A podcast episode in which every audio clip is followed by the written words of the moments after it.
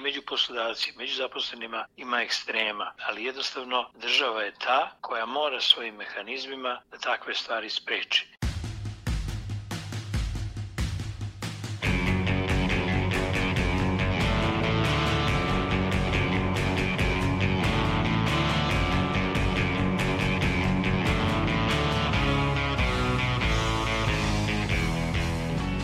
Slušate podcast Reaguj, nezavisnog društva novinara Vojvodine. Ja sam Iva Gajić, a na ovoj epizodi radili su i Sanja Đorđević, Nemanja Stevanović, Sanja Kosović i Irena Čučković. U 82. epizodu podcasta Reaguj, koji je ujedno i poslednja epizoda u ovoj godini, posvetili smo važnoj temi. U njoj govorimo o tome koliko se poštuju radnička prava u Srbiji. Za početak poslušajmo prilog koji je za ovu epizodu pripremio student Milan Damjanović. Kako je stanje u regionu, ali i svetu. Bitan aspekt napretka i prosperiteta jednog društva ogleda se u tome koliko se dosledno primenjuju i poštuju prava radnika. Globalno smatrano osnovna prava uključuju pravo na sigurnost i zdrave uslove za rad, jednaku priliku za sve radnike da budu unapređeni, limitiran broj radnih časova, kao i plaćen godišnji odmor i bolovanje. Međunarodna konfederacija sindikata svake godine objavljuje indeks globalnih prava. U pitanju je istraživanje u kojem su države ocenjene od 1 do 5, a veća ocena predstavlja učestalije kršenje prava radnika i lošiju sredinu za zaposlene. Ovogodišnji podaci pokazuju da Evropa ima najbolju prosečnu ocenu koja iznosi 2,50, a zemlje Bliskog istoka i Severne Afrike najlošiju, 4,65. Tome u prilog govori da su radničkim aktivistima širom sveta uzor države Skandinavije. One su godinama unazad ocenjene jedinicom koja označava da se radnička prava sporadično krše. Vlada Švedske uvela je 2014. godine eksperimentalni program smanjenja radnog vremena sa 8 na 6 sati za istu platu. Model šestočasovnog radnog vremena, kako su rezultati pokazali, pozitivno je uticao na fizičko i mentalno zdravlje medicinskih sestara. Takođe se stvorila potreba za dodatnom radnom smenom, što je dovelo do zaposlenja novih radnika. Iako bi se ovaj model na duže staze pokazao uspešnim, čelnici švedske vlade zaključili su da bi previše ekonomski opteretio državu. To je rezultiralo da ovaj eksperiment u domaćim medijima bude okarakterisan samo delimično uspešnim.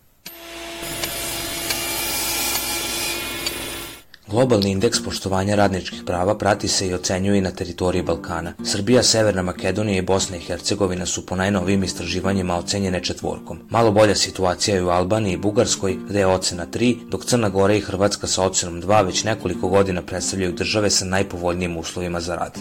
Više o situaciji u Hrvatskoj za podcast Reagu i rekao je Boris Abramović iz Zagreba, koji je zaposlen pod studentskim radnim ugovorom. Što se tiče najbolje ocene u regionu, tu sad ne znam toliko situaciju u drugim državama pa da mogu usporediti, ali mislim da je u Sloveniji bi skoro sigurno moralo biti bolje nego kod nas. Ako ništa plaće su znatno više i, i, i po prosjeku i po medijanu i po svemu. Dakle, financijska kompenzacija je viša, ali što se samih uvjeta tiče, moguće da je ulaskom u Europsku uniju, da su nas malo doveli u red, pa da se i radnička prava malo više poštuju. U smislu isplata na vrijeme, plaćanja prekovremenih i sličnih stvari. Crna Gora, koja je po istraživanjima uz Hrvatsku najviše kotirana država u regionu, ipak pokazuje da pristupanje Europskoj uniji ne mora biti ključan faktor da bi se u značajnijoj meri poštovao radnik i njegova zakonom propisana prava.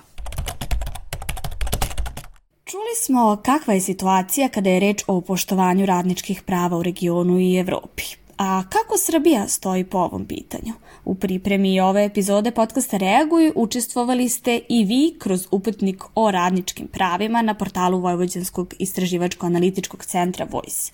Sanja, možeš li nam reći kakvi su rezultati upitnika? U anketi koju smo postavili na portalu Voice-a radnička prava, odmor je otpor, odgovorilo je 63 vas. Desetoro vas navelo je da poslodavac ne poštuje prava radnika iz ugovora o radu, dok 14 poslodavaca to radi tek delimično. 17 vas je odgovorilo da nastavlja da obavlja posao i nakon što izađe iz kancelarije i skine uniformu. Od toga 10 ne dobija nikakvu naknadu za prekovremeni rad. Devetoro vas navelo je da je odbacilo pravo iz ugovora o radu jer je smatralo da korišćenje godišnjeg odmora ili bolovanja može da dovede do neprilika poput gubitka prilike za napredovanje, smanjenje plate ili otkaza. Neki od odgovora bili su da se godišnji odmor koristi kada firmi odgovara ili da se odmor ne plaća. Jedna od osoba koja je na anketu odgovorila htela je da ostane anonimna. Kako ima oštećen sluh, malo je radnih mesta koje je mogla da bira. Za 40 godina radnog staža navodi samo je dva puta odlazila na porodiljsko odsustvo. Kako je obim posla bio prevelik za dve osobe, godišnji odmor koji se uzimao iz dva dela nije bio moguć. Čak ni za vreme bombardovanja, iako je imala više osnova da ne radi, odsustvo joj nije bilo dozvoljeno zbog obima posla. Rad od kući i prekovremeni rad je takođe postojao, ali nije bio plaćen. Zbog narušenog zdravlja naša sagovornica imala je tri pokušaja odlaska u invalidsku penziju, bezuspešno zbog toga što su se godine starosti kao uslov stalno povišavale. Za odlaske na fizikalnu terapiju nije joj bilo dozvoljeno bolovanje, već je morala da zakazuje termin pre ili posle početka radnog vremena. Kašnjenje ili ranije odlazak upisivani su u zbir pretvaran u dane i umanjivanje joj je godišnji odmor. Posao zbog toga svakako nije trpeo, naša sagovornica je ili ostajala duže ili nosila posao u kući, navodi. Najavom da od 2015. godine računovodstveni poslovi prelaze na kompjutersko ili vođenje sertifikovanih knjigovodstvenih agencija za našu sagovornicu značilo je da postaje tehnološki višak sa tri godine do starostne penzije. Sredstva za otpremninu nije bilo, a od naše sagovornice je traženo da obeća da neće tužiti firmu. Bez dokaza o otpremnini naša sagovornica nije mogla da prima naknadu, tako da je bila dve godine bez ikakvih primanja nakon 33 i po godina na istom radnom mestu. Zbog hendikepa joj je tržište rada bilo ograničeno i ako je imala znanje i iskustva da se zaposli na nekom drugom mestu, nemogućnost komunikacije komunikacije sa strankama predstavljao bi problem, kaže. Zbog toga je naša sagovornica godinama trpela mobbing, jer kada bi se požalila na problem, dobijala bi odgovor ko nije zadovoljan, zna gde su mu vrata. Ilustrativan primer položaja radnika, a posebno radnica u Srbiji, predstavlja i situacija u kojoj se nedavno našla dojučerašnja novinarka radiotelevizije Vojvodine Sandra Žigić. Ona je ostala bez posla nakon što je RTV raskinuo ugovor sa agencijom preko koje je Žigić bila angažovana. Za podcast Reaguje ispričala je kako je izgledao njen osmogodišnji angažman u ovoj medijskoj kući i kako je došlo do njegovog prekida. Od 2012. godine sam bila zaposlena na RTV-u, najpre kao volonter, e, zatim sam dobila, dobijala nekoliko honorarnih ugovora, PB ugovori, odnosno ugovori o privremeno povremenim poslovima, ugovori na određeno, ne sećam se sa ugovornim kojim redom, mislim da je nakon tog ugovora na određeno od dve godine usledila jedna agencija za privremeno zapošljavanje, e, nakon toga vraćanje na RTV i na nekoliko honorara Druga agencija gde sam, e, mislim, bila protekle dve godine. Prošle godine u februaru sam sa tom agencijom potpisala e, ugovor na neodređeno. U međuvremenu se desilo moje trudničko bolovanje, zatim i porodinsko odsustvo. Ja se nisam raspitivala o svom statusu, jedino što sam saznala za vreme mog porodinskog odsustva je da su e, Radio Televizija Vojvodine i Agencija za privremeno zapošljavanje raskinuli ugovor o saradnji i ja se u svom statusu nisam interesovala sve do možda mesec i po dana pred završetak porodiljskog odsustva, jer sam iskreno i bila zauzeta i verovala sam da neće biti problema da, da se vratim na svoje radno mesto. Zvala sam svoju urednicu da pitam kakav će mi dalje biti status. Ona je rekla ako me planiraju, da ću eventualno dobiti ugovor o privremeno povremenim poslovima. Za mene je to predstavljalo nekoliko koraka unazad, obzirom na to da sam vam ispričala istoriju bolesti to je na RTV-u. Kako kaže naša sagovornica, čekala je povratnu informaciju o svom daljem angažmanu i rečeno joj je da o tome odlučuje glavni odgovorni urednik prvog programa. Međutim, poziva nije bilo pokušavala sam da zakažem sastanak sa njim. Sekretarica mi da nije javljala nedelju dana i onda sam odlučila da odem u svoju matičnu kuću, da, da mu zakucam na vrata i da, da praktično pregovaram o nekom boljem ugovoru. To mi je bila prvobitna ideja. Zato što, eto, da, da posjetimo možda one koji ne znaju da ugovor o privremeno povremenim poslovima znači da nemate pravo na plaćan godišnji odmor, plaćeno bolovanje. I on se potpisao na 120 dana, nakon čega je meni ponovo neizvesno jel, angažovanje na, na radio televiziji Vojvodine. Nisam ga zatekla u kancelariji, ali mi je njegova sekretarica prenela informaciju da za mene više tamo nema mesta. I praktično na, na izlasku iz te kuće sam na teperi kad sam srela svoju urednicu, rečeno mi je da e, nema novaca, da puno ljudi čeka ugovor, to su eto informacije koje meni do dan danas nisu jasne šta znače. I onda sam dobila niz tako reći, dobronamernih, verovatno, komentara. Meni se s ove distance čini vrlo maliciozni, da se raspitam kod nekih drugarica pa da tražim novi posao. Da meni svakako ne odgovara da radim emisiju koju sam radila. Ja sam radila kao voditelj urednik eh, emisije kulturno-umetničkog programa.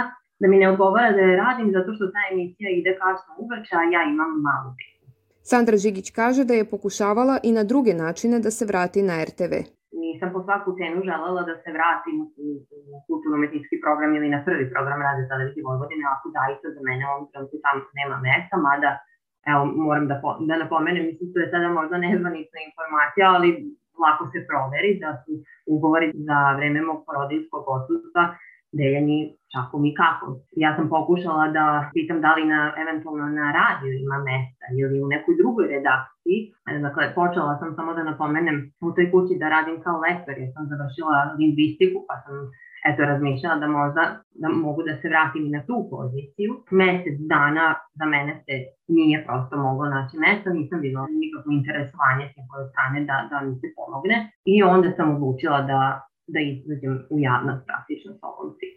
Sandra Žigić kaže i da nije planirala da se žali i traži neku vrstu nadoknade za svoja prekršena prava, s obzirom da je ostala bez posla odmah nakon porodiljskog odsustva. Nisam nameravala da se, da se žalim, što je možda pogrešno, pogrešan primer ljudima koji prolaze kroz sličnu situaciju, ali ja sad u ovom trenutku sa detetom od godinu dana zaista sebi ne želim da priuštim tu količinu stresa, Drugo, ja sam već uspela da nađem posao, tako da i oko toga imam dosta obaveze. Ja sam želela samo da ovom pričom skrenem pažnju na to šta se dešava trenutno u radio televiziji Vojvodine, kakva tamo klima vlada i da eventualno pokušam, možda malo prevelik zalogaj da tako nešto kažem, ali da osnažim žene ukoliko je to moguće, da dobro razmisle o svom položaju, da provere koja su njihova prava. Meni se dosta koleginica nakon što je čulo za moj slučaj javljalo i prepoznala sam neki strah od njih i neizvesnost šta će biti dalje sa njihovim statusom. Tu su mlade žene koje su već godinama takođe zaposlene na radio televiziji Vojvodine preko raznoraznih ugovora i kojima nije sigurna budućnost i koje tu budućnost ne mogu da planiraju upravo zbog toga što ne znaju kakav će im sledeći ugovor Sagovornica podcasta reaguje kaže i da ona nije želela da napusti svoju medijsku kuću, ali da je ipak na to bila prinuđena. Dosta me vaših kolega pitalo šta sam mislila pod tim što sam na svom Facebook profilu napisala da su radio televizije Vojvodine ščepali, bahati, leni, pohvatni i glasni. Ja nisam želela da ostanem svoju kuću, dakle rekla sam da je to jedna divna medijska kuća u kojoj rade divni i stručni ljudi, koji nažalost nisu u ovom trenutku dovoljno glasni. To su sve moje lične emocije koje su bile prouzrokovane onim, onim rečenicama koje sam vam navela na početku. Mislim da je isto bitno istaći da ne znam kako bi to drugačije okarakterisala postupanje prema radnicima nego igranje sa ljudskim životima. Ja sam na, za danima razmišljala o tome da postoje žene koje možda imaju više od jednog deteta čiji muževi nemaju siguran posao ili ni nemaju posao i koji se susretnu sa ovakvom nečim. Ja ne znam kako bi to drugačije nazvao, možda je teška reč, ali je meni zaista igranje ljudskim životima. Čuli smo više primjera kršenja prava radnika i radnica od strane poslodavaca. Ipak veliki broj poslodavaca znači i podela na one poslodavce koji poštuju radna prava i one koji ne, navodi za podcast Reaguj Nebojša Tanacković, počasni predsednik Unije poslodavaca Srbije. Poštovanje postojećih zakona koji se odnose na rad i radnike je veoma bitno, navodi on. U Srbiji je e, registrovano u APR-u zvanično više od 400.000 različitih privrednih subjekata. To su firme koje se razlikuju i po tome što rade u različitim segmentima privrede, a značajno se razlikuju i po veličini. Tako da praktično da mi možemo da delujemo kao Unija i tako delujemo, jednostavno samo s aspekta e, zakonskih odredbi nekih e, naših stavova koji iznosimo kao i ovom prilikom. Ukratko rečeno, zakoni koji regulišu odnos sveta rada i sveta kapitala, da tako kažem, su dati i oni su uglavnom usaglašeni sa svim onim pozitivnim stvarima koje postoje u radnim zakonodavstvima i drugih država. Atanacković navodi da Unija poslodavaca podstiče radnike, ukoliko su im radna prava ugrožena, da koriste sve mehanizme kako bi ih zaštitili. Treba reći da smo mi jedni od promotera Agencije za mirno rešavanje sporova i da jednostavno praktično govorimo da svi zaposleni koji naiđu na neke probleme koje predstavljaju kršenje zakona o radu i dobrih poslovnih običaja da bi trebalo da se obrate inspekcijama na, naiće na puno razumevanje onih poslodavaca. Ipak, počasni predsednik Unije poslodavaca Srbije Nebojša Tanacković ističe da je država tu da reguliše i nadzire da li zakone poštuju, bez obzira da li su u pitanju domaći privrednici ili velike multinacionalne kompanije i među poslodavci, među zaposlenima ima ekstrema, ali jednostavno država je ta koja mora svojim mehanizmima da takve stvari spreči. Mi smo često suočeni sa činjenicom da i pojedine velike multinacionalne kompanije koje su ovde investitori koji su ovde došli da angažuju našu radnu snagu ne poštuju neka osnovna pravila koja proizlaze iz međunarodnih pravila iz odnosa koji inače važi širom Evrope. Unije poslodavaca ističe njen počasni predsednik pokušava da poslodavcima objasni da je poštovanje radnih prava s jedne strane i poštovanje osnovnih ljudskih prava. Mi pokušavamo da ih naučimo da zaposleni kod njih nisu robovi, da su to ljudi koji imaju ista prava i koji imaju istu ljudsku težinu kao i oni. Znate, međutim, ima tu još uvek nekih stvari koje još uvek e, nisu dovoljno razlučene. Pa mnogi misle ako imaju novac ili kapital da time imaju veća prava i mogućnosti od onih koji to nemaju i koji kod njih rade. Ipak Nebojša Tanacković iz Unije poslodavaca ponavlja da je država ta koja ima mehanizme i zbog toga bi trebalo da kažnjava sve one koji ne poštuju radna prava. Država mora biti aktivnija u tome jer ona je jedina koja to može da spreči. Na drugi način je to nemoguće. Mislim, vidite, naše zakonodavstvo predviđa sankcije, predviđa način ponašanja između poslodavca i zaposlenog na isti način, manje više na isti način, kao što to se dešava u zapadnoj Evropi. Međutim, kod nas su ti primjeri prekršaja takvih odnosa češći nego što je to u zapadnoj Evropi.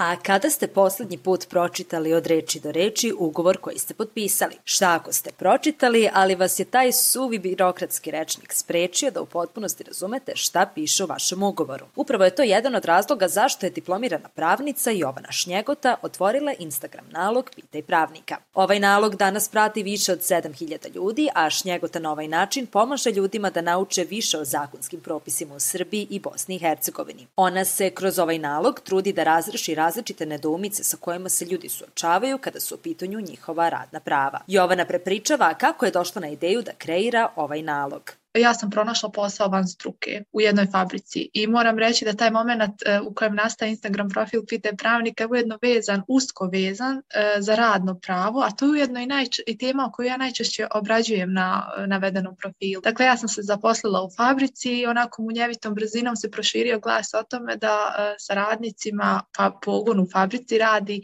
diplomirani pravnik. I onda radnici kao radnici imaju najčešće nedoumice koje se tiču upravo radnog odnosa, odnosno radnog prava, tako često su znali da mi priđu, da me upitaju da li ja znam nešto o tome, da li ja mogu nekako da im razjasnim nešto. I onda sam se ja nekako uhvatila da ja često nisam znala odgovor ili nisam bila sigurna u svoj odgovor i onda sam shvatila da sam počela da zaboravljam ono što sam naučila, a ne učim ništa novo, ne nadograđujem svoje znanje. I tad u tom momentu kao jedini način da to spriječim, da je proces zaboravljanja ili da otpočnem proces nadograđivanja svog znanja, vidjela sam upravo upravo u izradi, odnosno stvaranju jednog Instagram profila na kojem bih ja prezentovala zakonske propise ili odgovorila čak ponekad na neko pitanje koje se tiče radnih odnosa. Ali je to nekako i e, prevazišlo taj okvir u kojem je nastao profil, tako da često dobijem pitanja iz različitih oblasti prava koji nisu vezani znači za radno pravo. Šnjegota kaže da se i na Instagramu, kao i u fabrici, ljudi veoma često javljaju sa različitim pitanjima. Možda najčešće e, otkazni rok, isto, kad su obavezi da ga odrade, jer često ljudi kad daju otkaz njima se žuri da pređu na posao kod drugog poslodavca, pitanje neiskorištenih godišnjih odmora, te pitanje privremene spriječenosti za rad, odnosno e, bolovanje, e, visina naknade plati u vrijeme trajanja privremene spriječenosti za rad. Međutim, nisu, znači, nisu rijetka ni pitanja koje se odnose na zaštitu njihovih, njihovih prava. Ipak, pitanje koje ubedljivo najčešće dobija tiče se razlika u određenim ugovorima. Šnjegota kaže da često postoje zablude upravo zbog nepoznavanja razlika između ugovora u kojima se zasniva radni odnos i ugovorima u kojima se ne zasniva radni odnos. Recimo, dođe mi neko ko me prati pa me pita ja sam zaključio ugovor o dijelu, pa šta sad to znači u odnosu na ugovor o radu? Znači upravo nepoznavanje razlika između ugovora o radu, recimo to su kao neki primarni ugovor o dijelu koji predstavnik ove druge vrste ugovora, znači nepoznavanje razlike između njih dovodi do različitih vrsta zabluda. Znači postoje ugovori kojima se zasniva radni odnos i oni ugovori kojima se ne zasniva radni odnos. Kad za, kažem zasniva radni odnos, da približim laicima koji nisu iz branše pravnika, Najčešće kažem da ljudi koji zasnivaju radni odnos, oni imaju prava koje prezilaze iz radnog odnosa i upravo se tu javlja problem kad dođe osoba koja je angažovana po osnovu ugovora o djelu pa pita da li ja imam pravo na godišnji odmor, da li ja imam pravo da otvorim bolovanje. I onda ja pitam pa dobro, po osnovu kojeg ugovora ste angažovani, kaže ugovor o djelu. I to je znači upravo nepoznavanje te razlike je nekako do, dolazi, iz toga dolazi najveći broj pitanja na moj profil Pitaj pravnika. Jovana Šnjegota objašnjava šta su ugovori gde se zasniva radni odnos, a šta su oni drugi. Znači, postoji ugovori kojima zasnivamo radni odnos, to su ugovori o radu, znači ugovor o probnom radu, ugovor o radu na određeno i na određeno vrijeme, a ugovori kojima ne zasnivamo radni odnos su ugovor o dijelu, ugovor o obavljanju privremenih i povremenih poslova, ugovor o stručnom osposobljavanju i usavršavanju. Međutim, šta ovo znači za osobe koje su angažovane upravo preko ugovora gde se ne zasniva radni odnos? Šnjegota objašnjava. Što se tiče prava, imaju pravo na nakradu za rad, odnosno ta nakrada često bude ugovorena i predviđena samim ugovorom, e, njima ne teče radni staž da se izrazim tako laički. Što se tiče privremene spriječenosti za rad, odnosno bolovanja, oni imaju zdravstveno osiguranje samo u slučaju povrede na radu i profesionalne bolesti. Ja znam da su prilike različite za različite ljude, ali ja uvijek kad me neko pita šta ja mislim o tome, ja se postavim u na svoj, kao da se radi o meni. Ja ne bih pristala na zaključivanje ugovora o dijelu, osim u nekim izvanrednim okolnostima, jer taj ugovor se zaključuje u slučaju obavljanja nekog tačno određenog posla koji nije u osnovnoj djelatnosti poslodavca, ali radnik, odnosno lice ni u radnom odnosu ne mogu da kažem ni da je radnik lice koje je angažovano po osnovu tog ugovora, ne dobija mnogo toga. Zaista, eto, to je moje neko subjektivno mišljenje da ne preporučujem i naročito ne bih preporučila mladim ljudima da zaključuju takvu vrstu ugovora zato što njima je značajan ugovor o radu zbog e, godina radnog staža, kasnije penzije i slično tome. Mislim, možda neko ko je mladi ne razmišlja trenutno o tome, nije mu to toliko bitno, ali poslije kad dođe u neke godine vidjet će da je to i tekako značajno. Naša sagovornica kaže da je kroz svoje iskustvo uočila da je najveći problem da ni radnici ni poslodavci ne poznaju dovoljno svoja prava i obaveze. Ono što sam ja primijetila i kad sam radila u toj istoj fabrici, a i dok vodim ovaj Instagram profil, jeste da često radnici ne poznaju svoje prava, niti svoje obaveze, a ne želim sad biti oštra prema poslodavcima kao što inače ja sam na Instagram profilu, pa ću reći da oni često, znači radnici često i ne poznaju prava i obaveze poslodavca. I onda kad mi e, postave neko pitanje koje je vezano za ostvarivanje njihovih prava, ja ih prvo uputim ili mi ja pošaljem im insert iz zakona o radu, uputim ih da pročitaju isti, da provjerim provjere da li oni zaista imaju pravo da potražuju ostvarivanje tog prava. Eto, u tome zapravo leži suština tog odnosa radnik i poslodavac. Mislim da e, ne poznaju dovoljno jedni druge i njih prava i obaveze. Predsjednica Ujedinjenih granskih sindikata Nezavisnost, Čedanka Andrić, kaže da se prava radnika mnogo češće ne poštuju u kompanijama u kojima ne postoje sindikati, odnosno u malim i srednjim preduzećima. Teško je dati neku generalnu ocenu, ali recimo ono što je sigurno tamo gdje imamo organizovan sindikat u kompaniji, gdje imamo potpisan kolektivni ugovor, ta prava se poštuju i postoje načini da onda na organizovan način reagujete ukoliko dođe do kršenja tih prava. Znači imate aktivan odbor poverenika, on prati poštovanje kolektivnog ugovora, u slučaju kršenja poslodavac zna da će biti pozvana inspekcija i tu je situacija da tako kažem solidna, znači u nekoj ozbiljnoj, ako tako mogu da je nazovem firmi, koja vodi računa o tome da, da poštuje e, socijalni dijalog na nivou preduzeća. U ovim drugim firmama, mala, srednja preduzeća gde uglavnom nemate organizovan sindikat, tu jako često dolazi do kršenja tih prava. E, ljudi rade i bolesni, e, ne bili sačuvali radno mesto, da ne odlaze na bolovanje, da, da im ne bude umanjena zarada. Tako da sve zavisi od toga koliko ste organizovani u instituciji, ustanovi, u preduzeću, sve zavisi od toga. Kako kaže Andrić, kada se desi da radnik tuži poslodavca zbog kršenja radnih prava, najčešće će radnik i dobiti spor na sudu. Ipak, redko se dešava da do tog spora uopšte dođe ima slučajeva kršenja, to se lako dobije na sudu, da tako kažem, ili rešenja inspektorata su obično u korist radnika ako poslodavac krši zakon o radu. Jedino što je tu sporno što nakon toga može doći i do šikaniranja ukoliko e, je poslodavac baš rešio da krši zakon i da mu je to jeftinije ili e, ukoliko dođe do radnog spora, radni sporovi traju jako dugo, to onda obeshrabri ljude da uopšte krenu u spor. Mi sve više ohrabrujemo i ljude da koriste institucije institut mirnog rešavanja radnih sporova upravo kako bi skratili taj vremenski period i kako bi unormalili situaciju, da tako kažem, na svom radnom mestu. Čuli smo da je sve mnogo lakše ako u firmi u kojoj radite postoji i sindikat. A zašto je to tako? Glavni razlog je zato što sami individualno teško da možete bilo šta da završite, jer s druge strane poslodavac ima svoju pravnu službu, ima službu ljudskih resursa, ima pare i uvek je bolje da ste organizovani u sindikat, jer sindikat može da vam pruži besplatnu pravnu pomoć, može da vas zaštiti, može umesto vas da pozove inspektorat, može da insistira da prisustuje nadzoru. Jako teško je sve to dobiti jedan na jedan s poslodavcem, mnogo je bolje, pogotovo kad iza vas stoji jedna sindikalna centrala sa svojim kapacitetima. Dakle, mi uvek ohrabrujemo ljude da se učlanjuju zato što onda cijela porodica vašeg sindikata iza vas, a ne samo vi naspram poslodavca, to je jako teška uloga. Ono što Čedanka Andrić podvlači jeste da se kršenje prava svakako treba prijaviti, jer se bez toga radnik ne može zaštititi. Sam po sebi zakon o radu i treba da štiti slabiju stranu, to je u svakom slučaju radnik. Dosta toga je u svet kapitala ušlo i, i poslodavaca koji nisu baš imali razvijenu poslovnu kulturu i društvenu odgovornost i njima njima je nekako bilo prirodno da daju što manje prava. S druge strane, izgleda da je još uvek u Srbiji jeftino kršiti zakon, jer su sankcije za poslodavce takve da im se više isplati da krše zakon nego da ga poštuju. Tako da mi stalno insistiramo da bez obzira i tamo gde nema sindikata da se ljudi ohrabre da zovu inspektorat da bi se intervenisalo,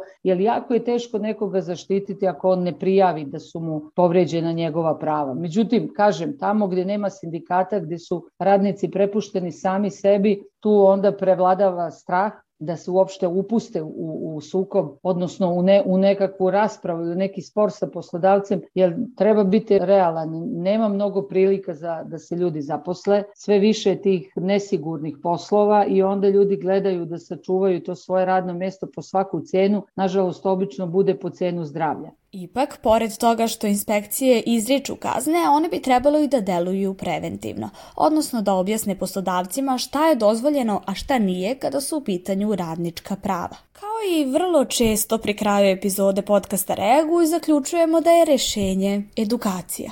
Edukacija je rešenje za, za mnogo problema u društvu, apsolutno. Od razvijanja tolerancije do razvijanja osjećaja solidarnosti. To je nekako izostalo u, u ovom neoliberalnom konceptu u kojem mi živimo i mislim da to polako treba vraćati ne samo kroz formalno, nego i kroz neformalno obrazovanje, kroz saradnju s organizacijama civilnog društva. Mislim da, da je to nešto gdje smo svi u obavezi da doprinesemo. Andrić podlači da je organizovanje u sindikate način da se poboljšaju poboljšaju i više poštuju radnička prava. Ljudi organizujte se u sindikate, bit će lakše da se izborite za bilo šta što je vezano za vaše radno mesto, za vaš posao, da poboljšate svoj standard, da dođete kući zdraviji sa posla, tako da poruka sindikata je organizovanje, organizovanje i organizovanje. I pravnica Jovana Šnjegota za kraj daje nekoliko saveta mladima koji tek ulaze u radne odnose, ali i ljudima koji se osjećaju kao da im poslodavac krši prava.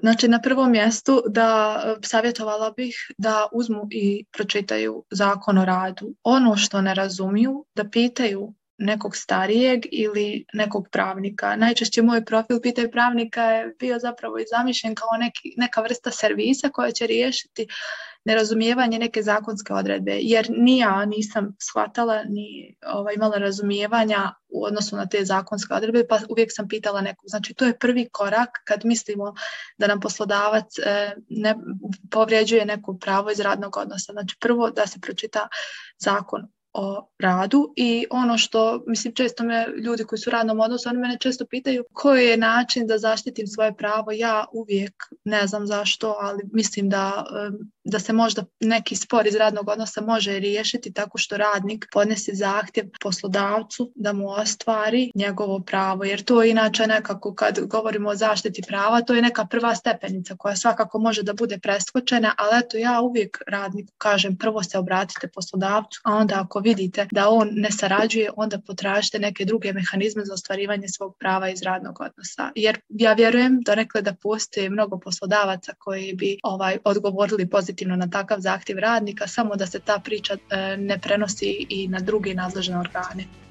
Ovim završavamo 82. epizodu podcasta Regu i nezavisnog društva novinara Vojvodine, u kojoj smo govorili o poštovanju radničkih prava u Srbiji. Pišite nam u Facebook grupi Podcast Regu i kakva su vaše iskustva sa poslodavcima ili zaposlenima. Dostupni smo i na mailu podcast.ndnv.org. Slušamo se ponovo uskoro, a do tada ne zaboravite da čekamo na vas, vaše komentare i predloge tema koje možete slati i na Twitteru i Instagramu gde se nalazimo pod imenom NDNV Media Hub ili na TikToku gde smo pod imenom Reaguj podcast. Naš rad možete pratiti na kanalima na iTunesu, Stitcheru, Castboxu, Sounderu, Spotifyu, Google podcastima, Deezeru kao i na sajtu podcast.rs. Ukoliko želite da nas podržite, uradite to baš šerovanjem, komentarom, deljenjem svoje priče ili preko sajta donations.ndnv.org.